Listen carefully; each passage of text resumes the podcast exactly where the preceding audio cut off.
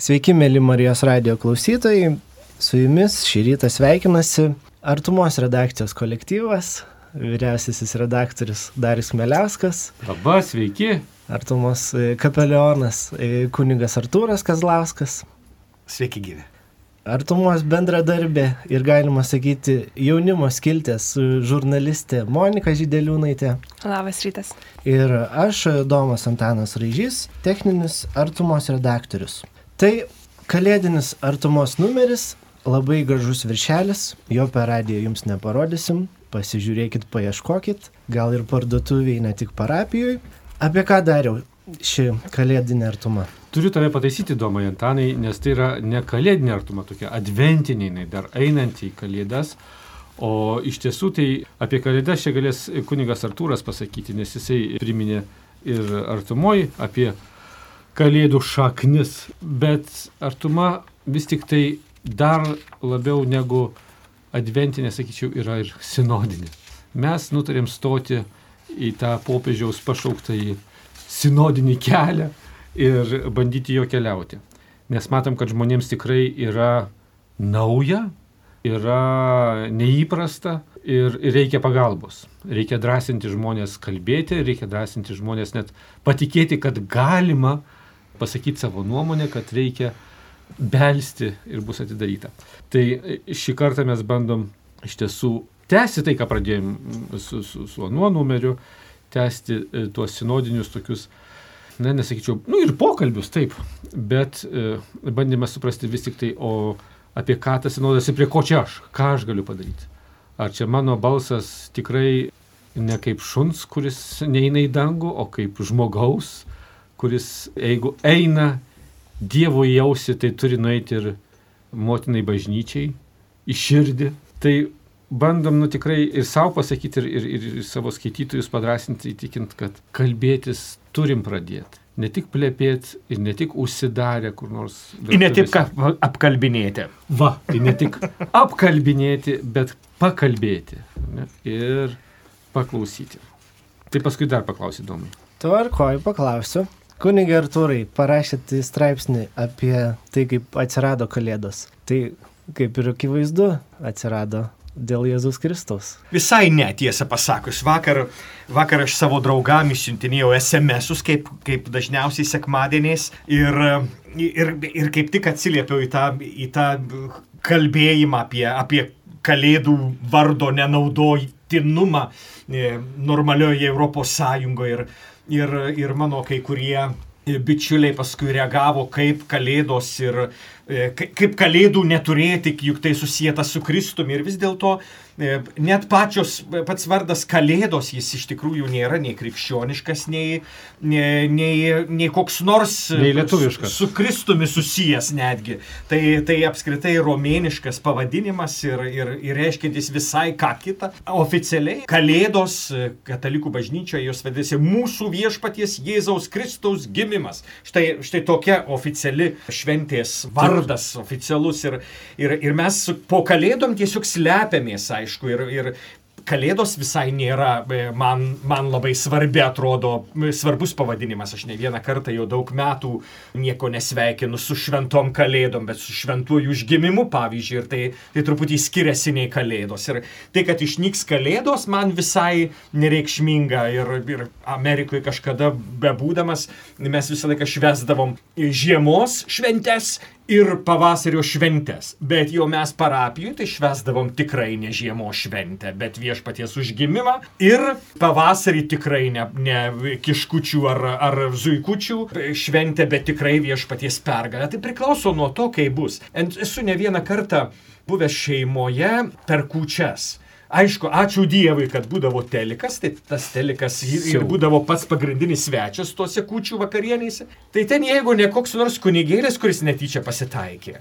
Apie jokias kalėdas, apie jokį Kristų, apie jokią maldą net girdėti nenorėdavo ta šeima, nes jie to neturėjo absoliučiai. Reikia pripažinti, kad dauguma Lietuvos žmonių tų kalėdų nei švenčia, nei supranta kaip krikščioniška, nei brangina kaip Jėzaus Kristaus gimimą. Tai tai, ką Europos Sąjunga čia mums norėtų pasakyti, yra rimtas visai dalykas.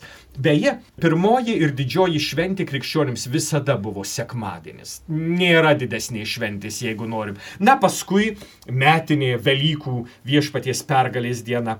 O pirmą kartą Kalėdos arba viešpaties užgimimas apskritai buvo paminėtas pirmą sykį tokį kaip diena numatyta Tai, tai buvo ketvirtame amžiuje, visai ne pirmam, antram ar trečiam, bet ketvirtas amžius. Ir nepamirškim, kad jau po Konstantino edikto, reiškia tada, kai krikščionybė po truputį įgauna valstybinę religiją, reiškia seną šventę reikia panaikinti ir duoti naują šventę. Ir, ir Saturnalijos arba Saulės grįžimo diena štai įgauna naują prasme. Kristus didžioji šviesa, Kristus, Kristus mūsų šviesa, kuri apšviečia kiekvieną žmogų. Čia dabar skambėtų taip kaip ateistinėme kokiame nors knygoje sovietinių metų. Šituos dalykus, tiesą pasakius, aš perskaičiau ateistinėse knygose, kai buvau ne tik kirčiavimo žodino skaitytojas, bet taip pat ir tų ateistinių knygų. Ir man tada tai būdavo pikta, kaip taip galima ant krikščionybės kalėdų varyti,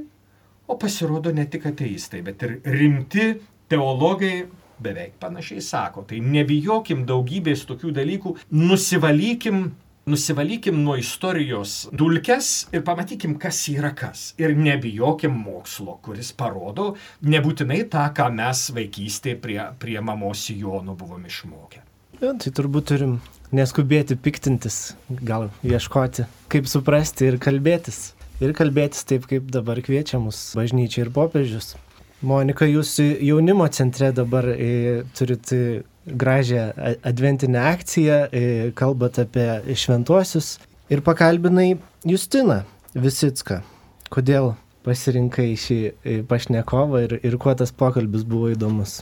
Teisybės dėlį norisi grįžti prie redaktoriaus įžanginio sakinio ir kad rinkimės, kalbėkime, kalbamės ir tarsi neužsidarė. Bet teisybė yra tokia, kad Justinas Visickas yra mano tikrai labai geras, artimas draugas. Tai tarsi ir užsidarius mes susėdom pakalbėti.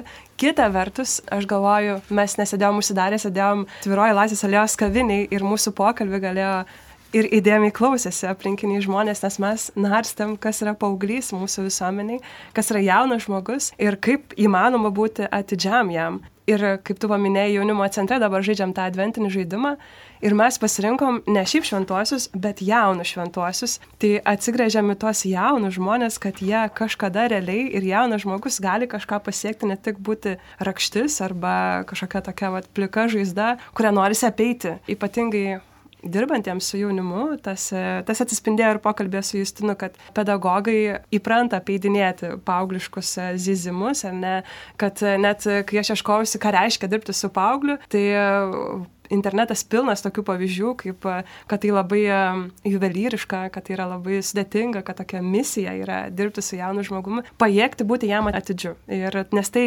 atsibosti ir vargina. Tai, tai dėl to aš kažkaip pasirinkau pirmiausia kalbėti su geru draugu, nes lengva kalbėti su geru draugu. Ir uh, tik antroji vietoje skambėjo tai, kad jis, aš puikiai žinau, jis puikiai dirba mokykloje ir uh, turi tikrai tokią atvirą širdį, atviras akis ir sugeba prakalbinti jauną žmogų, net labai užsispyrusi ir uh, iš rankų, sakyčiau. Tai, tai tiesiog dėl to, tokie labai techniniai sumetimai.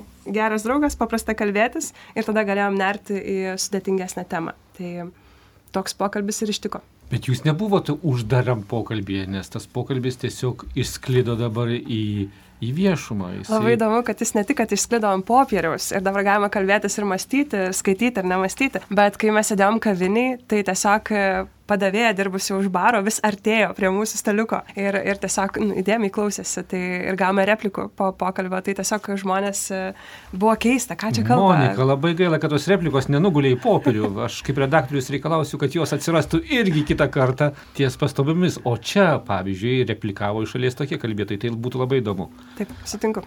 Dabar reikia turėti omeny, kad visus pokalbius reikia kur nors viešai kavinėje, kad dar prisijungtų žmonių ir, ir pareplikuotų. Ir tai būtų tikras, tikrai atviras pokalbis. Ir taip pat kalbėjosi kunigai šiame numeryje. Sakom, kad jaunimo negirdi, bet ar, ar kas girdi kunigus? Kita vertus, ar kunigai irgi girdi vienas kitą ir čia vat, mes esam šiandien kartu su kunigu Artūru dėl to, kad jisai irgi pasirašė tokiai avantūrai pakalbint savo brolius kunigus. Padaryti tokį irgi pirmą sinodinę grupelę, kurią jie išdrįsta irgi pasidalinti su savo skaitytojais. Tai Tai kunigė Artūra, E, Jūs rasite tai, tai, ką, tai, kas mums pavyko lygiai valandą, tai labai svarbu, man atrodo, ne tik mūsų jaunimui, su kuriuo aš, aš turiu katechezijas grupę, bet ir, ir kunigams pasakyti, lygiai valandą užtruks, ne ilgiau, nes, nes visiems turbūt baisu, kai nežinai, kada baigėsi. Tai, tai šitokiu būdu man pavyko prisikalbinti šešis brolius, vieną diakoną ir, ir penkis kunigus ir, ir tiesiog kurijos posėdžių salėje po e, kunigų susitikimo.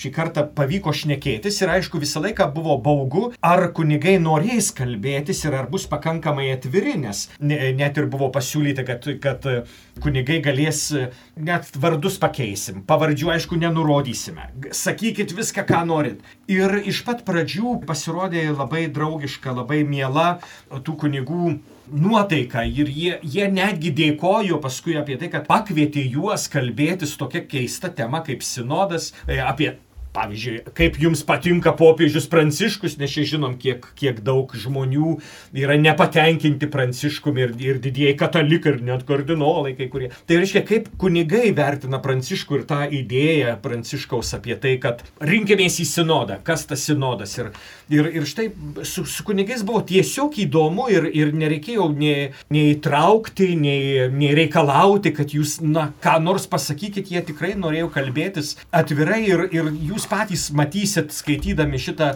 Artumos numerį matysit tą interviu, kuris buvo tikrai geranoriškas ir, ir net jeigu kartais kas nors galvoja, kad mūsų kunigai netikintys ar, ar, ar nemyli bažnyčios, ar žmonių, ar popiežiaus, ar Dievo apskritai, tai iš tikrųjų matosi, kad, kad kunigai myli ir, ir ta jų meilė yra specifinė, gal tokia kai kada net labai vyriška, kai kada net tokia santūri, kaip ir dera turbūt celibatiniam, kas čia žino, kaip dera iš tikrųjų, bet buvo gera ir, ir buvo, buvo smagu. Aišku, nežinia, ką redakcija čia tiesą pasakius, iškirpo ar nepraleido iš mūsų pokalbio, bet e, pats pokalbis manau, kad turėtų sudominti daugybę mūsų skaitytojų.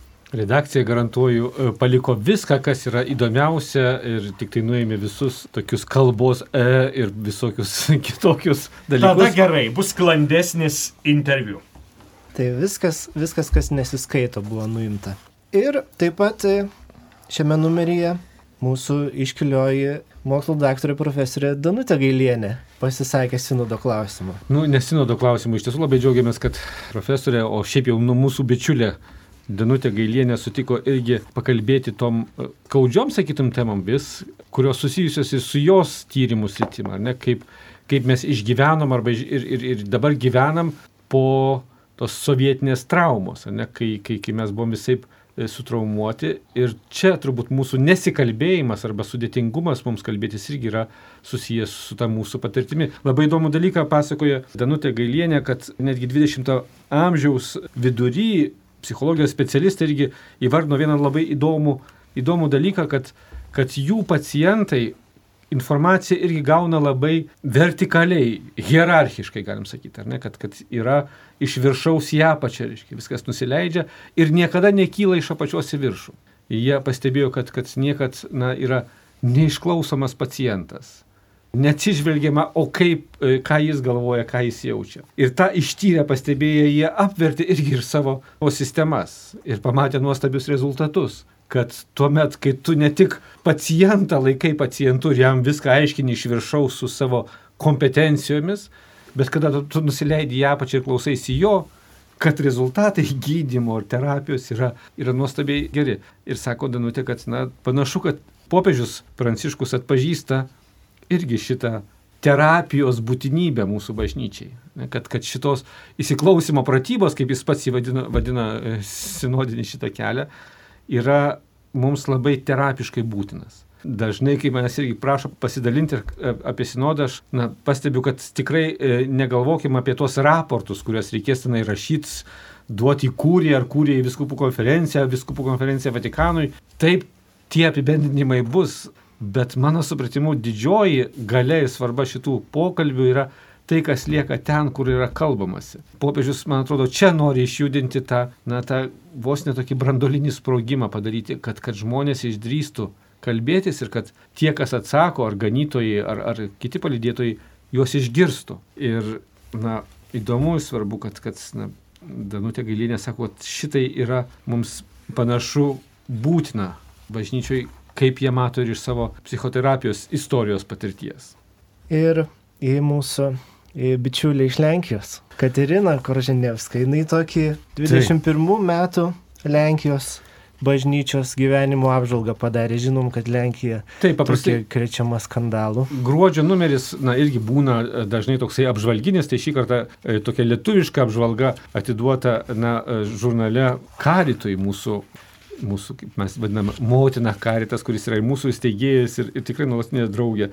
Ir Karitas aptarė 21 metus draugė irgi su savo ir galim sakyti, ir, ir, ir vadovais, ir arkivyskupas Kesutis Kievalas, kuris yra viskupų konferencijos e, socialinių reikalų komiteto pirmininkas, ir, ir, ir pati Deimantė, kuri generalinis sekretorius, ir, ir, ir bestarbuojantys žmonės, kurie apžvelgė ten tuos metus.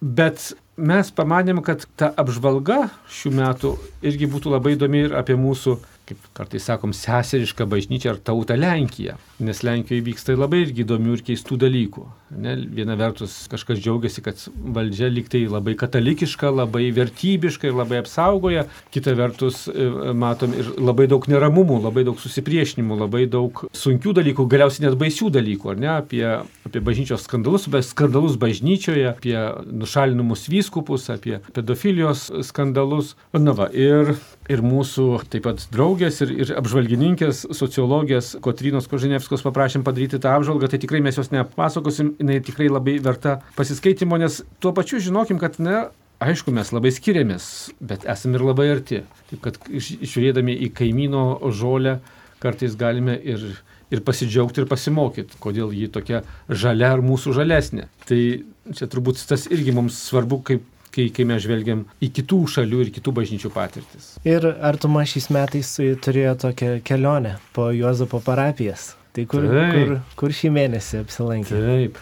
Iš tiesų, na, dabar va gruodį ir turbūt kaip tik šiom dienom turėtų baigtis popiežiaus paskelbti lygiai prieš metus netikėtai tuo metu buvo, ar ne, kad, kad per nekaltą įprasidėjimą popiežius paskelbė, kad Juozapo metus pradedam. Tai va, tai per tuos Juozapo metus mes apsidairėm, kad turim keliolika parapijų Lietuvoje iš Švento Juozapo ir pabandėme apvažiuoti jas, supažindinti savo skaitytojus. Ir e, tikrai buvo labai smagu, nes tas Juozapas Lietuvoje E, po savo globą turi labai skirtingas parapijas. Ir didmešiuose, ne, kaip prisimenam, Vilniui ten ta didinga statoma kunigo Richardo Doveikos arba kur nors šešuoliuose mažutėlė kunigo Vido Bernardo Sajetos ganama tokia parapijykė, kuri sugebėjo per pandemiją išlieti didžiulį nuostabų Švento Juozapo varpą. Patys tiesiog, vat, negalėdami eiti bažnyčią nutarė. Va, o šį kartą atsigrėžėm į tokią Švento Juozapo parapiją, na kaip ir čia pat, bet ir Anapus Nemono, tai yra Zanavikijoje, Lukščiuose. Yra tokia nuostabi, labai graži bažnyčia, na nelabai ne, ne didelė, bet vis tiek gana įdomi ir gyvybinga parapija ir, ir lankomės ten. Artuma ten yra buvusi prieš keliolika metų, ją kviesdavo tuometiniai klebonai susitikti su skaitytojais ir dabar mums buvo labai įdomu sugrįžti po, po daug metų ir, ir pabandyti su mūsų skaitytojais pažiūrėti, o kaip tas, kaip mes sakom, šventasis Juozapas Zanavykų kasdienybėje gyvena. Tikrai labai irgi įspūdinga, paprasta, graži parapija. Ir tikrai labai įdomu pažiūrėti, kaip pavyzdžiui, tas, na, vat, galbūt tyliai šventas Juozapas labai skirtingai dalyvauja tose mūsų bendruomenėse, parapijėlėse Lietuvoje. Ir taip pat tęsiam tokį Romono Kazakevičius ciklą apie Mišiolą. Jau. Na va, Čia labai įdomus dalykas ir kunigas Artūras irgi mums padės. Čia mes paprašym irgi mūsų bičiulio, kuris Marijos radio klausytojams girdimas ir žinomas beveik kasdien per, per Vatikano radiją jo balsas, bet jis mums artumai padaro kartais kokias nors temas ir, ir, ir, ir dažnai taip įsigilina kaip kokią atskirą disertaciją. Tai dabar mes, kadangi vasarą popiežius paskelbė, na, tą tokį irgi sakytumėm, daug galbūt kažkam tai skandalų sukėlusi savo nutarimą, kad vis tik tai tas, ta senoji, vadinama, tridentinė liturgija, na, tikrai yra kaip ir beveik nebenaudotina, nebent ten labai kokiam išskirtiniam progom, bet mes vis tik tai turime įgyvendinti Vatikano antrojo liturginę reformą ir gyventi pagal naują liturgiją. Taigi laikytis na, to naujojo mišiolo. Tai dėl to mes paprašėm mūsų vat, bičiulio Romano, kad jis giliai apžvelgtų, na, kaip vis tik tai tas mišiolas atsirado, kodėl jis toks reikšmingas tapo ir kas jis yra mums šiandien mūsų, mūsų gyvenimui. Juolab žinodami, kad na, ir, ir pavasarį pradėjome rašyti artumoje, ne, kad, kad Lietuvoje vyksta toks labai svarbus procesas to mišiolo naujos redakcijos rengimas, nes mes Lietuvoje naudojamės ar ne tą redakciją, kuri buvo prieš 50 ar 40 metų, ne? o dabar žinom, kad jau yra naujoji redakcija ir ji rengiama. Tai buvo labai įdomu pažiūrėti, bet kas dar man atrodo įdomiau, kunigi Artūrai pasakysi arba paprieštarausi, kad šitas mišiolo klausimas ar reikalas, kaip, kaip mums čia ir parodo Romanas Kazakevičius, labai yra sinodinis, nes jis iš esmės kviečia įsitraukti visus. Jeigu, kaip čia išvelgia Romanas, ta senoji liturgija, na, ta, ta, ta vadinama, nežinau, tridentinė, ar ne kaip ją teisingiau pavadinti, ji vis tiek akcentavo kunigo darbą, tokį kunigišką, klerišką vadovavimą ir, ir visą atsakomybę.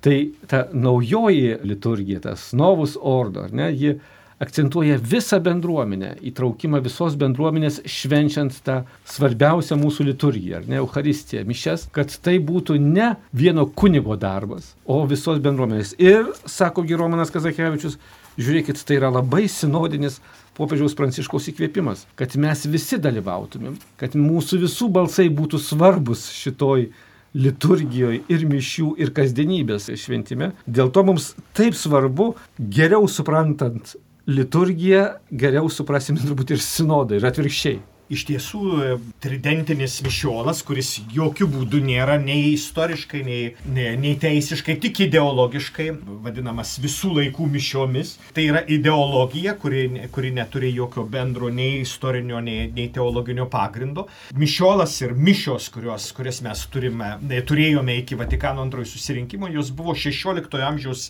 vaisius. Reiškia, visiškai neseniai, prieš 400 metų atsiradęs ir atsirado be beje Romos kurijoje kaip reiškinys, kaip, kaip įvykis pareikalautas Tridentos susirinkimo. Popiežius subūrė, Pijus V subūrė to laiko ekspertus, kurie be abejo nėra 20-ojo amžiaus ekspertai, įstudijavę daugybę kitų šaltinių, kurie 20-ame amžiuje jau buvo žinomi, bet 16-ame amžiuje užmiršti, nežinoti, negirdėti, nematyti. Tai Natūralu, kad jau 20-ojo amžiaus e, ekspertai ruošia Mišiolo reformą, buvo geriau informuoti, geriau pasirengę atlikti šitą darbą. Ir tas pats Mišiolas, jis yra, kažkada mes turėjom tokią keistą knygą, kuri vadinasi Breviarium Romanum.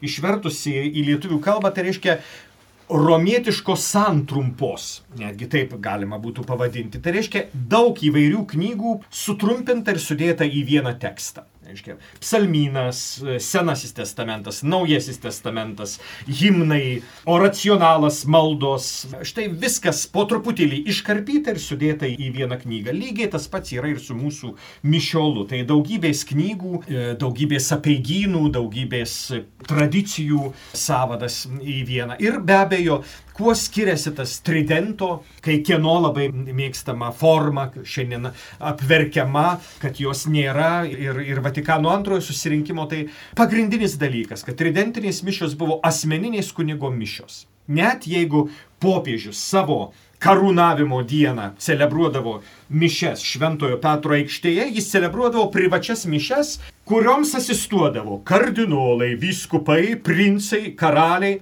na ir pleps liaudis asistuodavo, jie neturėdavo jokios galimybės juose dalyvauti. Tai buvo popiežiaus privačios mišios, kaip ir klebonas privačiai celebruodavo mišes N parapijoje, o visi asistuodavo. Tam reikėjo beje ir kanauninkų kapitulos, kad iškilmingesnė asista būtų mišioms. Kanauninkai gražiai apsirengę su spalvotais drabužiais ir šermenėlių kailiais asistuodavo tam įvykiui, kuris iškilmingesnis ar paprastesnis vykdavo. Bet juose nedalyvaudavo niekaip. Ir Vatikano antrasis susirinkimas, reformuodamas liturgiją, tai atsiliepė į tai, ką Vatikano antrojo susirinkimo tėvai norėjo, kad visi galėtų dalyvauti, nes tai Kristus Kristaus ir tautos darbas. Reiškia, mes visi celebruojame mišes. Štai didysis skirtumas. Jeigu tenai galėjai matyti, o pagal kanoninį teisyną buvo nurodyta, jeigu pusė tavo pėdos yra šventoriuje, tu įvykdai sekmadienio pareigą dalyvauti mišiuose. Tai kas, kad rūkydavai prie arkliuko, bet pusę pėdos stovėdavai šventoriuje, atlikdavai pareigas. Todėl kai kurie mūsų zakristijonai dar ir šiandien e, užsibūna zakristijoje ir atlieka sekmadienio pareigą dalyvauti mišiuose, taip ir neišlyzdami prie altoriaus. Bet, e, bet štai šiandien tu turi dalyvauti, reiškia ne tik tai matyti, ne tik tai būti toje erdvėje, bet tiesiog turėti tą pačią dvasę. Štai, štai ir didysis skirtumas tarp dviejų mišiolų. Apverkiamojo ir nesuprantamojo. Dėl to, kad taip sunku būti kartu ir taip sunku matyti vienas kitą ir girdėti vienas kitą. Ir čia didysis palaiminimas ir didysis prakeikimas, kurį turime mes. Įdomu, tik tai aš dar pridursiu, vat, kaip e, mūsų e, Romanas užbaigė tą straipsnį apie Mišiolą ir, ir Sinodą, kad popiežius Pranciškus kviesdamas į senodinį keliavimą, visą bažnyčią kviesdamas, Joje nori sugražinti tą pačią pusiausvyrą, kuri buvo atkurta dabartinio mišiolo struktūroje ir mišių augoje. Esame kviečiami būti aktyvus, o ne tarsi svetimi ar nebylus mišių ir sinodinio kelio stebėtojai. Taip kad mes negalim likti e, stebėtojais nei mišiuose, nei sinodinėme kelyje. Negalim likti stebėtojais, kaip ir vaikai ne, nelieka stebėtojais, kuriais šitas žurnalas ir pradedamas. Žurnale rasite Aldonos atkočiūtės užrašytas vaikų mintis. Noriu čia pasigirti irgi, kad mums buvo labai smagu atrasti ir išgirsti, kad iš Vatikano ten, kur siunčia visokius sinodinius nutarimus, nu, instrukcijas ir visą kitą, sako, ei, žiūrėkit, sinodas yra ir vaikai. Sinodas turi apimti ir vaikus, ir vaikų balsai turi būti traukti. Mes sakom, yes! Mesgi artumoje jau daug metų atliekam iš esmės vaikų sinodą, ta prasme, visais klausimais, kuriuos rašom, bandom užkalbinti ir vaikus. Ir vaikai, tiesą sakant, duoda genialių minčių, kas yra tie klausimai. Tai nuo šiol, nuo šito numerio, šitą vaikų mintis mes taip ir pervadinom šitą visą skiltį ir pavadinom vaikų sinodas. Bet kita vertus, man, kai perskaičiau tą frazę, taip ir pasakiau, pamokslas nuobodus, aš galvoju, dievaži, kažkas tikrai fiksuoja mano mintis ir čia užrašinė, nes man tikrai būna, kai aš e, mišių metu noriu kelti ranką ir sakyti, prašau, gana, nu prašau. Tikrai norisi, aš galvoju, wow, kaip e, per vaikų lūpas galima taikliai durti e, ir atversti jau temas, kurios šiaip sunkiai gvildenasi ir šiaip netgi sunkiai būna prieinamos, man Taip, atrodo. kažkas yra dar paklausęs, negi čia tikrai vaikai rašo, jūs čia turbūt prigalvojate, Aldonas jam rašo, neįmanoma, brangiai, neįmanoma suformuoluoti taip, kaip vaikai suformuoluoja, va šitaip tiesiai ir aiškiai ir be piktumo. Jeigu pa- Taip. paskaitysite tą tekstą, kuris iškeltas į pavadinimą apie kleboną, e, tiksliau ne apie kleboną, apie pamokslą, jis ten tikrai labai nuoširdžiai ir paprastai, jis ir jam ir pasako į akis ir aš tikiuosi, kad tikrai e, tuomet tu išgirsti, kai tau taip vaikas pasako. Tai, tai šventas dalykas dar vienas, kuris eina iš Vatikano, vaikų sinodas. Jo vaikai pasako tai, ką, ką jau suaugę, suaugę bijo pasakyti. Tai žurnale taip pat e, rasite popiežiaus Pranciškaus intenciją gruodžio mėnesį, kurią aptarė e, tėvas Antanas Saulaitis būna. Kartais pamirštam tą popiežiaus intenciją, tai gerai paskaityti Antano mintis, kad, kad ta intencija būtų geriau suprasta ir, ir prisimintume ją kasdien. Labai gerai, kad mes melžiamės tom popiežiaus intencijom ir į dar nuostabiau, kad, kad pasigilinam, kodėl popiežius kviečia mus apie tai melstis, dėl to už tai melstis. Ir būna, sako, artuma labai sunki. Tai aš dabar žiūrėdamas mūsų motinos Vilmos receptą galvojau, kaip sunku iš tikrųjų yra tą indelį padaryti šokoladinį. Tai klausytojai gali atsivert pasižiūrėti, kaip įspūdingai yra padaroma šokoladinis indelis. Aš vis dar nesuprantu tos paslapties. Ten yra labai paprastai. Na Dėl to tau sunku suprasti. ir taip pat e, tęsėme kunigo Tomaš Halik e, knygos e, Artumo dvasingumas tokį leidimą dalimis. Ir Šį kartą labai svarbi ir labai įdomi tema apie sužeistą bažnyčią ir žaidžiančią bažnyčią. Tai vėlgi, na, sakytum, labai pataiko į sinodinę temą, jo labiau, kad kunigas Halikas yra na, tikrai dabar aktyviai veikiantis ir skelbiantis labai aktualius tekstus, labai, labai įdomius tekstus yra žmogus. Ir e, čekų disidentiniai veikloje dalyvavęs ir sėkiu dabar labai aktualiai žvelgiantis iš šių laikų įvykius bažnyčių ir pasaulyje. Pabaigai galim pasakyti, kad irgi užbaigiam ir metus, kaip ir, kaip ir su tuo pačiu Pranciškum skelbdami vat, tą jo tokį laiškelį apie Juozapą, apie Betliejų, Juozapą ir Mariją, popiežiaus katechezę šią, šitą progą, kur jisai sako, kad žiūrėkit, pradėkim nuo Betlėjaus, kuris buvo visiška provincija, kuris buvo visiška periferija, pakampiai, užkampiai. ne? Ir viešpats nutarė ateiti į šitą pasaulį ne kur nors svarbiam mieste, būtų natūralu, Jeruzalėje su visa jos didybė, su visa jos reikšme ir iškilme, o kažkokiuose pakraščiuose. Ir Pranciškus sako, štai vat mums irgi labai sinodinė užduotis. Sugrįžkim į Betlėjų, sugrįžkim į tas pakraščius ir periferijas, nes viešpas mato, kad jie yra labai svarbus. Tai yra ten, kur mes esam. Mūsų parapija, mūsų užkampis, mūsų gatvelė, mūsų sunkus gyvenimas mūsų kasdienybėje. Ta periferija pilka yra labai svarbi, nes į ją ateina įsikūnyti viešpats. Ir laukiam užgimsiančio viešpaties ir dėkojam, mėly Marijos radio klausytojai, kad buvot šią valandą su mumis. Skaitykite artumą, keliaukim kartu su bažnyčia, klausykime, kalbėkime ir keliaukime kartu su popiežium. Su jumis buvo artumos vyriausiasis redaktorius Darius Meliauskas, artumos kapelionas kunigas Artūras Kazlauskas, advento visiems. jaunimo e, centro darbuotoja ir artumos bendradarbė Monika Žindeliūnaitė. Ir aš, Domas Antanas Ryžys, techninis artumos redaktorius. Ačiū Jums visiems, Gražios dienos. su Dievu. Sudie.